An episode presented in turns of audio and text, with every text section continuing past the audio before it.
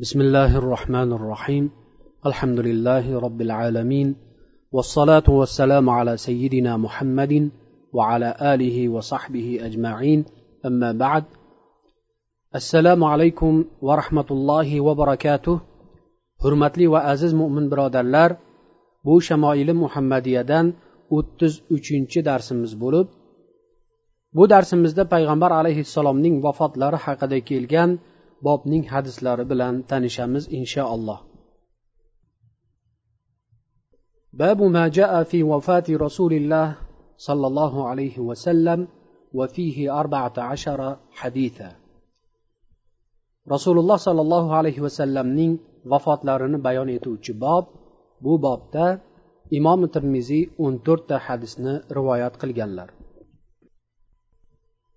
قال حدثنا أبو عمار الحسين بن حريث وقتيبة بن سعيد وغير واحد قالوا حدثنا سفيان بن عيينة عن الزهري عن أنس بن مالك قال آخر نظرة نظرتها إلى رسول الله صلى الله عليه وسلم كشف الستارة يوم الاثنين فنظرت إلى وجهه كأنه ورقة مصحف والناس يصلون خلف أبي بكر فكاد الناس أن يضطربوا فأشار إلى الناس أن اثبتوا وأبو بكر يؤمهم وألقى السجف.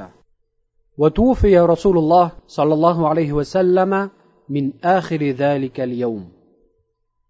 أنس رضي الله عنه دن روايات قلنا دايت الاركي آخر جمرت رسول الله صلى الله عليه وسلم نكور جنم دوشنبه يدن.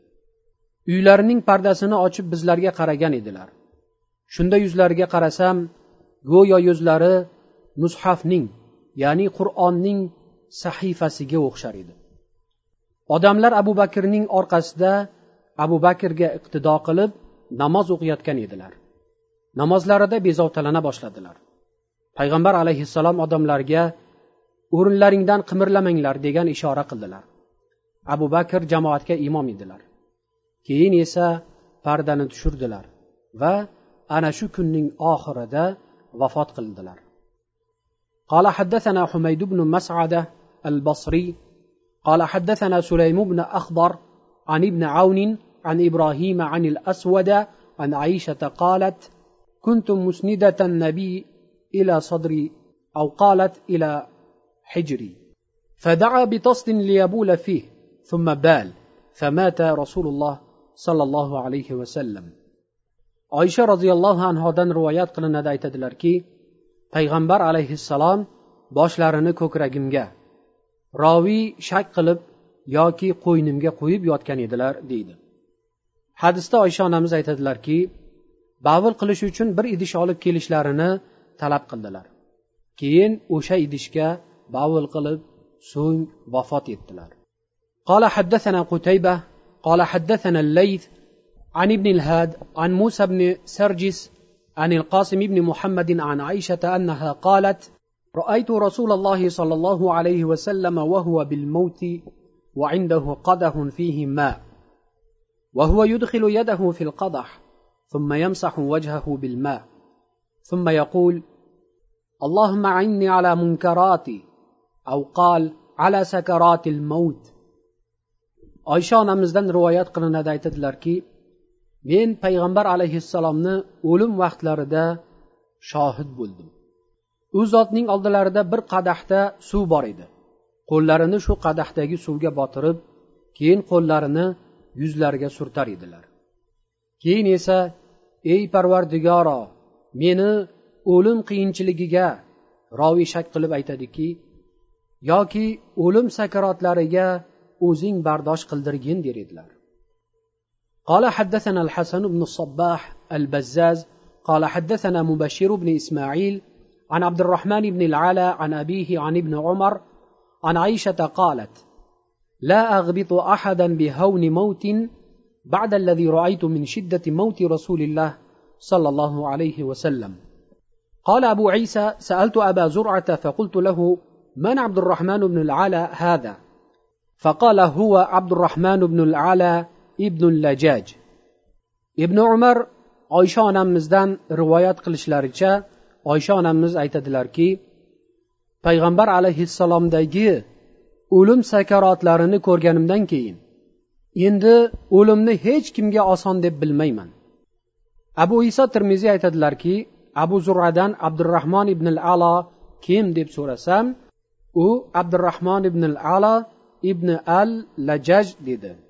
Rasululloh sollallohu alayhi vasallam agar kasal bo'lsalar ham boshqalardan ikki barobar og'ir kasal bo'lar edilar. Bir marta xasta bo'lib qolganlarida sahobalardan biri u zotning qo'llaridan ushlab u kishidagi istimaning qattiqligidan taajjublanadi.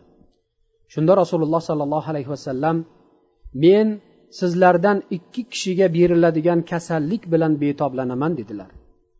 Ha alloh taoloning suygan bandasi mana shunday og'ir kasal bo'lar edilar bu ham bo'lsa u zotning ajr savoblarini ko'paytirib darajalarini baland qilish uchundir o'limlari ham xuddi shunday og'ir bo'lgan edi mulla ali qori aytadilarki payg'ambar alayhissalomga o'limni og'ir bo'lishi ham u zotning darajotlarini ko'tarish va ajr savoblarini ziyoda qilish uchundir قال حدثنا أبو كريب محمد بن العلا قال حدثنا أبو معاوية عن عبد الرحمن بن أبي بكر هو ابن المليكي عن ابن أبي مليكة عن عائشة قالت لما قبض رسول الله صلى الله عليه وسلم اختلفوا في دفنه فقال أبو بكر سمعت من رسول الله صلى الله عليه وسلم شيئا ما نسيته ما قبض الله نبيا إلا في الموضع الذي يحب أن يدفن فيه udfunuhu fi موضع فراشه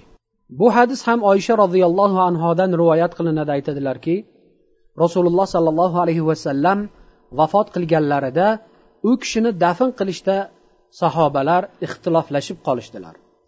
Shunda abu bakr roziyallohu anhu aytdilarki men rasululloh sollallohu alayhi vasallamdan bir narsa eshitganman. Hanuzgacha unutganim yo'q. Aytgan edilarki alloh taolo qaysiki payg'ambarni jonini olgan bo'lsa albatta u payg'ambar dafn qilinmoqlikni xohlagan yerda jonini olgan rasululloh sollallohu alayhi vasallamni ham shu yotgan to'shaklari o'rniga dafn qilinglar قال حدثنا محمد بن بشار وعباس العنبري وسوار بن عبد الله وغير واحد قالوا أنبأنا يحيى بن سعيد عن سفيان الثوري عن موسى بن أبي عائشة عن عبيد الله بن عبد الله عن ابن عباس وعائشة رضي الله عنهم أن أبا بكر قبل النبي صلى الله عليه وسلم بعدما مات. ابن عباس وعائشة رضي الله عنهما لردن روايات قلنادي aytadilarki abu bakr roziyallohu anhu payg'ambar alayhissalomni vafot qilganlaridan keyin ham peshonalaridan o'pgan edilar قال حدثنا نصر بن علي الجهضمي قال حدثنا مرحوم بن عبد العزيز العطار عن ابن عمران الجوني عن يزيد بن يونس عن عائشة أن أبا بكر رضي الله عنهما دخل على النبي بعد وفاته فوضع فمه بين عينيه ووضع يديه على ساعديه وقال ونبياه وصفيه وخليلاه oysha roziyallohu anhodan rivoyat qilinadi aytadilar payg'ambar alayhissalom vafot qilganlaridan keyin abu bakr roziyallohu anhu u zotning oldilariga kirib payg'ambar alayhissalomning bilaklaridan ushlab peshonalariga lablarini qo'yib o'pdilar. Keyin ey payg'ambarim ey sofiyim ey halilim dedilar. Sofiy deb arab tilida do'stlikning bir pog'onasiga aytiladi. halil esa do'stlikni undan ham balandroq pog'onasidir go'yo sofiy deb yaqin do'stga aytilsa halil esa juda ham yaqin do'stga ya'ni do'stligida hech qanday halal hatto qil ham bo'lmagan kishiga aytiladi قال حدثنا بشر بن هلال الصواف البصري قال حدثنا جعفر بن سليمان عن ثابت عن انس قال لما كان اليوم الذي دخل فيه رسول الله المدينة أضاء منها كل شيء. فلما كان اليوم الذي مات فيه أظلم منها كل شيء. وما نفضنا أيدينا من التراب وأنا لفي دفنه حتى أنكرنا قلوبنا. أنس رضي الله عنه دان روايات قلنا دايت دلاركي رسول الله صلى الله عليه وسلم مدينة منورة كيلغالاردا مدينة هم يير نورافشان بولب كيتكن vafot qilganlarida esa hamma yer qorong'u zimistonga aylandi. U zot ustilariga tuproq to'kib hali qo'llarimizni tuproq changidan qoqmay turib balki dafn marosimini tugatishga ulgurmagan ham edikki qalblarimizni inkor qila boshladik. Qalblarimizni inkor qila boshladik deyishlaridan maqsad ya'ni iymon quvvati avvalgiga nisbatan zaiflasha boshladi deganlaridir. Lekin payg'ambarning tirikligida o'zidan tarbiya olgan zotlar albatta u zotni ko'rmaganlar bilan barobar emaslar. Shuningdek ularni maqtab alloh taolo qur'oni karimda qiyomatgacha o'qiladigan oyatlar nozil qildi va o'sha oyatlarda ulardan roziligini ham bayon qildi. Muhaddis ulamolar hadisni sahih qabul qilinadigan va unga amal qilish lozim yoki zaif qabul qilinmaydigan va unga amal qilish mumkin bo'lmagan turlarga ajratishda hadis isnodining har bir tabaqasidagi roviylarning tarjimai hollarini yodlash va zakovat qobiliyatlarini hamda dindagi taqvo darajalarini tekshirib chiqishga majbur bo'ladilar. Lekin bu borada sahobalarning tarjimai hollarini tekshirmaydilar va aytadilarki sahobalar alloh taoloning shahodati ila adolatli shaxslardirlar. ulardan dinda yolg'on sodir bo'lishi aslo mumkin emas. قال حدثنا محمد بن حاتم قال حدثنا عامر بن صالح عن هشام بن عروة عن أبيه عن عائشة قالت توفي رسول الله يوم الاثنين عائشة رضي الله عنها دن روايات قلنا دايت دلار كي پیغمبر عليه السلام دوشن بكن وفات قل قلقان دلار قال حدثنا محمد بن أبي عمر قال حدثنا سفيان بن عيينة عن جعفر بن محمد عن أبيه قال قبض رسول الله صلى الله عليه وسلم يوم الاثنين فمكث ذلك اليوم وليلة الثلاثاء ودفن من الليل. وقال سفيان وغيره يسمع صوت المساحي من آخر الليل.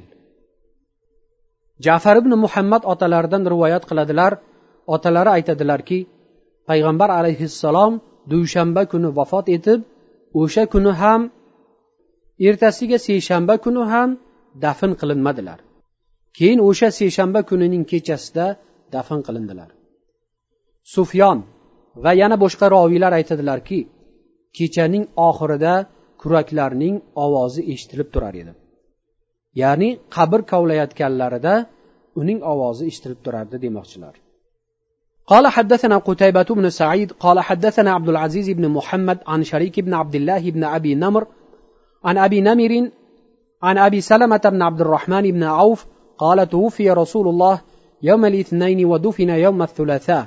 قال أبو عيسى هذا حديث غريب. عبد الرحمن بن عوف رضي الله عنه دن روايات قلنا دايت دلار. رسول الله صلى الله عليه وسلم دوشنبه كنو وفات قلب سيشنبه كنو دفن قلندلار. أبو عيسى ترمزي بو حدث غرب در ديدلار. دي g'arib kalimasi mustalah ilmiga oid atama bo'lib ma'nosi hadis sanadining qaysidir tabaqasida avvali yoki o'rtasi yoki oxirida bitta roviy yolg'iz o'zi rivoyat qilgan bo'lishidir ulamolar aytadilarki hadisning g'arib bo'lishidan hadisning zaifligi kelib chiqmaydi lekin aksar hollarda g'ariblar boshqa sabablarga ko'ra zaif bo'lib chiqadilar قال حدثنا نصر بن علي الجهضمي قال أنبأنا عبد الله بن داود. قال حدثنا سلامة بن النبيت عن نعيم بن أبي هند عن نبيب بن شريط عن سالم بن عبيد وكانت له صحبة. قال أغمي على رسول الله صلى الله عليه وسلم في مرضه فأفاق. فقال حضرت الصلاة؟ فقالوا نعم. فقال مروا بلالا فليؤذن ومروا أبا بكر أن يصلي للناس. أو قال بالناس. قال ثم أغمي عليه فأفاق. فقال حضرت الصلاة؟ فقالوا نعم. فقال مروا بلالا فليؤذن ومروا أبا بكر فليصلي بالناس. فقالت عائشة إن أبي رجل أسيف إذا قام ذلك المقام بكى فلا يستطيع. فلو أمرت غيره قال ثم أغمي عليه فأفاق. فقال مروا بلالا فليؤذن ومروا أبا بكر فليصلي بالناس فإن كن صواحب. أو صواحبات يوسف. قال فأمر بلال فأذن وأمر أبو بكر فصلى بالناس ثم إن رسول الله صلى الله عليه وسلم وجد خفة. فقال انظروا لي من أتكئ عليه. فجاءت بريرة ورجل آخر فاتكأ عليهما. فلما رآه أبو بكر ذهب لينكصه فأومأ إليه أن يثبت مكانه حتى قضى أبو بكر صلاته. ثم إن رسول الله صلى الله عليه وسلم قبض فقال عمر والله لا أسمع أحدا يذكر أن رسول الله صلى الله عليه وسلم قبض إلا ضربته بسيفي هذا. قال وكان الناس أميين لم يكن فيهم نبي قبله فأمسك الناس. فقالوا يا سالم انطلق إلى صاحب رسول الله صلى الله عليه وسلم فادعوه. فأتيت أبا بكر وهو في المسجد فأتيته أبكي دهشا فلما رآني قال أقبض رسول الله؟ قلت إن عمر يقول لا أسمع أحدا يذكر أن رسول الله صلى الله عليه وسلم قبض إلا ضربته بسيفي هذا. فقال لي انطلق. فانطلقت معه فجاء والناس قد دخلوا على رسول الله صلى الله عليه وسلم. فقال يا أيها الناس أفرجوا لي. فأفرجوا له. فجاء حتى أكب عليه ومسه فقال إنك ميت وإنهم ميتون. ثم قالوا يا صاحب رسول الله أقبض رسول الله صلى الله عليه وسلم؟ قال نعم. فعلموا أن قد صدق. قالوا يا صاحب رسول الله صلى الله عليه وسلم أيصلى على رسول الله صلى الله عليه وسلم؟ قال نعم. قالوا وكيف؟ قال يدخل قوم فيكبرون ويصلون ويدعون ثم يخرجون. ثم يدخل قوم فيكبرون ويصلون ويدعون ثم يخرجون حتى يدخل الناس. قالوا يا صاحب رسول الله صلى الله عليه وسلم أيدفن رسول الله صلى الله عليه وسلم؟ قال نعم. قالوا أين؟ قال في المكان الذي قبض الله فيه روحه. فإن الله لم يقبض روحه إلا في مكان طيب. فعلموا أن قد صدق ثم أمرهم أن يغسله بنو أبيه واجتمع المهاجرون يتشاورون. فقالوا انطلق بنا إلى إخواننا من الأنصار ندخلهم معنا في هذا الأمر. فقالت الأنصار منا أمير ومنكم أمير. فقال عمر بن الخطاب من له مثل هذه الثلاث؟ ثاني اثنان إذ هما في الغار.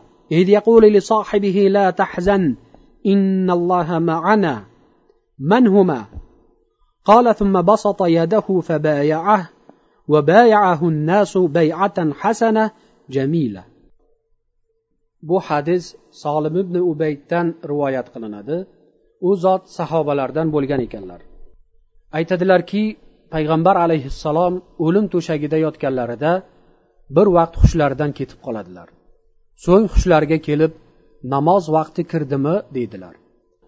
Ha deb atroflarida turgan kishilar javob qilishdi.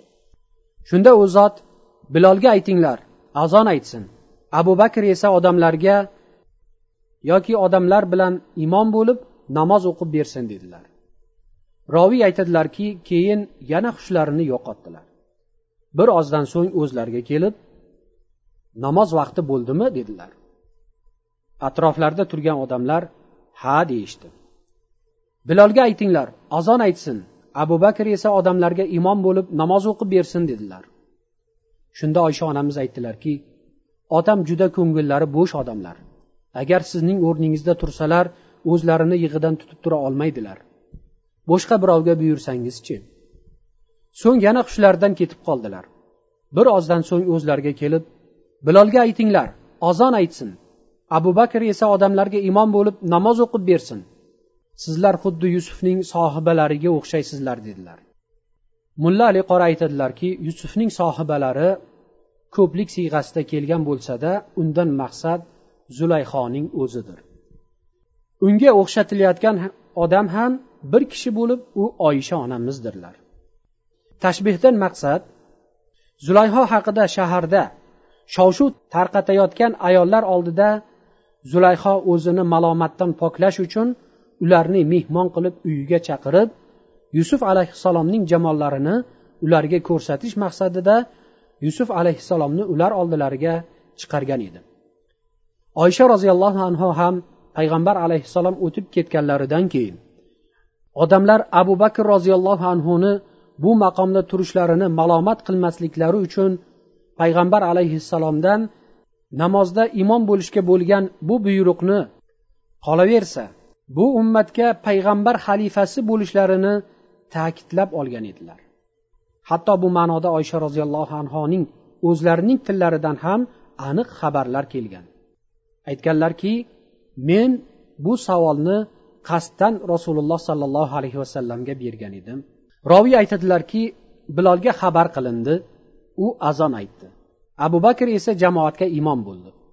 Keyin rasululloh sollallohu alayhi vasallam o'zlarini oz moz yengil his qilib kim bor men bilan qo'ltiqlashgani? dedilar. Barira ozod qilgan joriyalari va yana boshqa birov keldi. Payg'ambar alayhissalom ularga tayanib oyoqqa turdilar. Abu bakr u zotni ko'rib qolib darhol mehrobdan o'zlarini ortga olmoqchi bo'ldilar. Shunda payg'ambar alayhissalom o'rningdan qimirlama deganday ishora qildilar. Keyin esa abu bakr namozni jamoatga imom bo'lib tugatdilar. So'ng rasululloh sollallohu alayhi vasallam bu foniy dunyodan ko'z yumdilar. Vafot etganlaridan keyin umar aytdilarki allohga qasamki agar kimdan payg'ambar alayhissalom o'ldilar deganini eshitsam shu qilichim bilan kallasini tanasidan judo qilaman. Ma'lumki arablar savodsiz xalq bo'lib ularda muhammad alayhissalomdan avval bironta ham payg'ambar chiqmagan edi. Shuning uchun ular nima qilarlarini bilmay hayron bo'lib biror narsa degani ham tillari bormadi. Ya'ni umar ibn hattobni bu so'zlariga hech qanday javob qilmay qoldilar. So'ng ey solim darhol rasululloh sollallohu alayhi vasallamni sohiblariga borib u zotni chaqirib kel deyishdilar. Solim aytadiki men shu zahotiyoq abu bakr roziyallohu anhuning huzurlariga bordim. Qarasam u kishi masjidda ekanlar oldilariga yig'lagan holda kirdim. Meni ko'rgan zahotiyoq payg'ambar alayhissalom vafot qildilarmi deb yubordilar. Umar kimiki rasululloh sollallohu alayhi vasallam o'ldilar deyayotganini eshitsam shu qilichim bilan boshini tanasidan judo qilaman deyaptilar. Ya'ni umar ibn hattobni bu qilgan hukmlaridan qo'rqib o'ldilar degani jur'at qilolmaganlar. Abu bakr qani yur men bilan birga dedilar. Men u kishi bilan birga yo'lga tushdim. Borsak rasululloh sollallohu alayhi vasallam huzurlarida katta alomon to'planib turgan ekan. Abu bakr odamlarga qarata ey odamlar menga yo'l beringlar dedilar. Odamlar u zotga yo'l bo'shatdilar.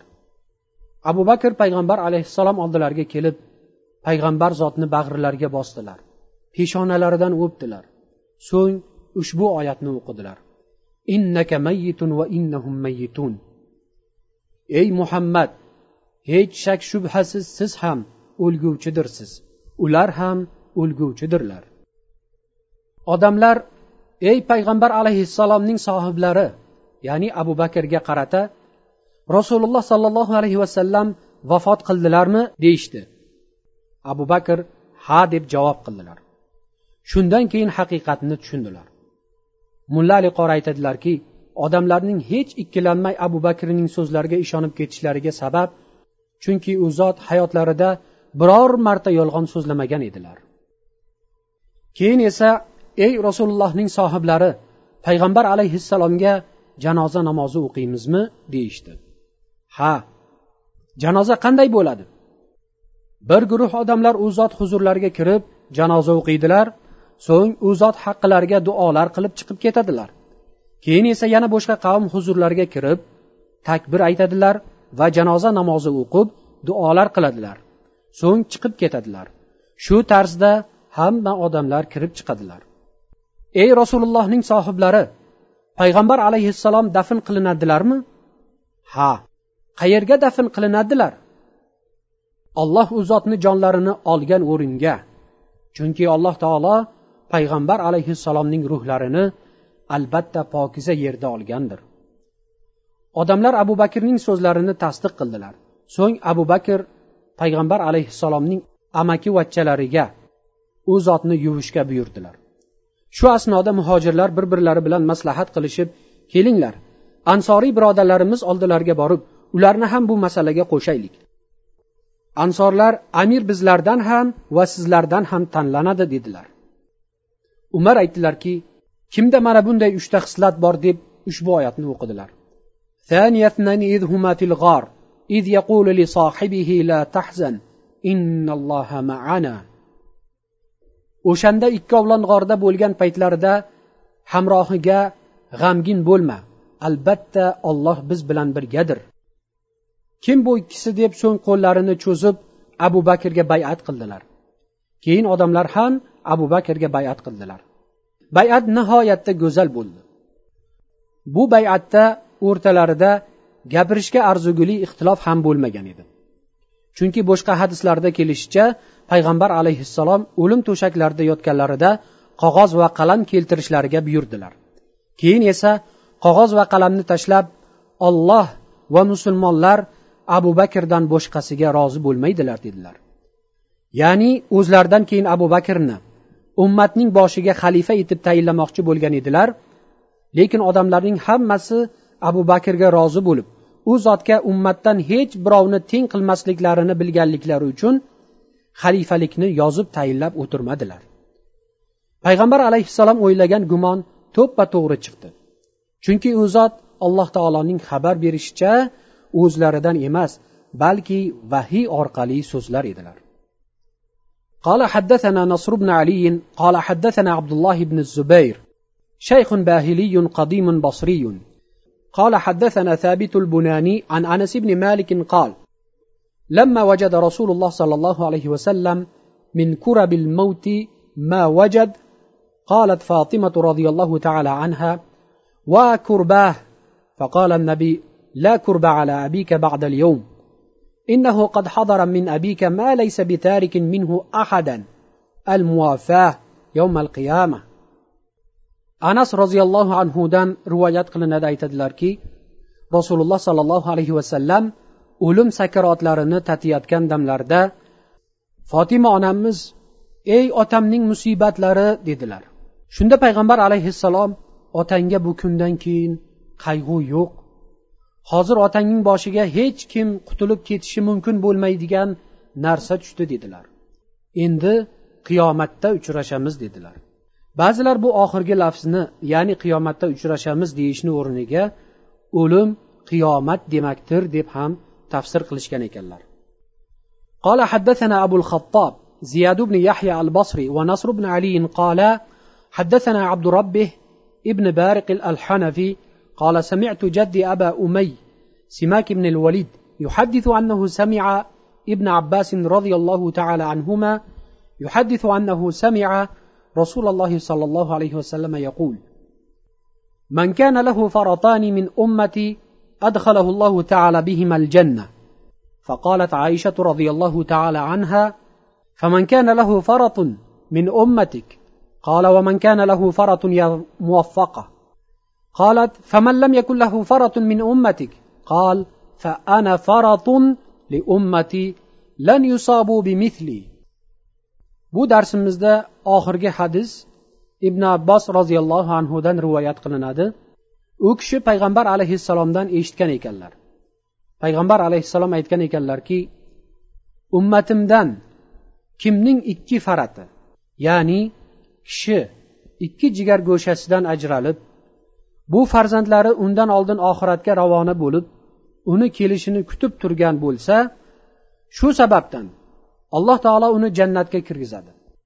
Oysha roziyallohu anhu aytdilarki ummatingizdan bir faratli ya'ni bir jigar go'shasidan ajralgan kishi bo'lsachi payg'ambar alayhissalom bitta bo'lsa ham ey olloh tavfiq bergur dedilar. Oysha onamiz bunday faratsiz holatda bo'lgan kishilarchi? dedilar. Shunda rasululloh sollallohu alayhi vasallam men mana bunday odamlarning faratiman. Qiyomat kuni ularni kavsar havuzi oldida kutib olaman. Chunki ular mendan ajralishdan ko'ra kattaroq musibat tatimaganlar. Ha albatta u zotning dunyodan o'tishlari ummatning boshiga kelgan balolarning eng kattasidir. Alloh taolo barcha mo'min mo'minalarga u zot bilan uchrashishni va u zotning qo'llaridan havzi kavsar suvlarini ichishlikni nasib ro'zi aylasin. Va axiru da'vana anil hamdulillahi robbil alamin.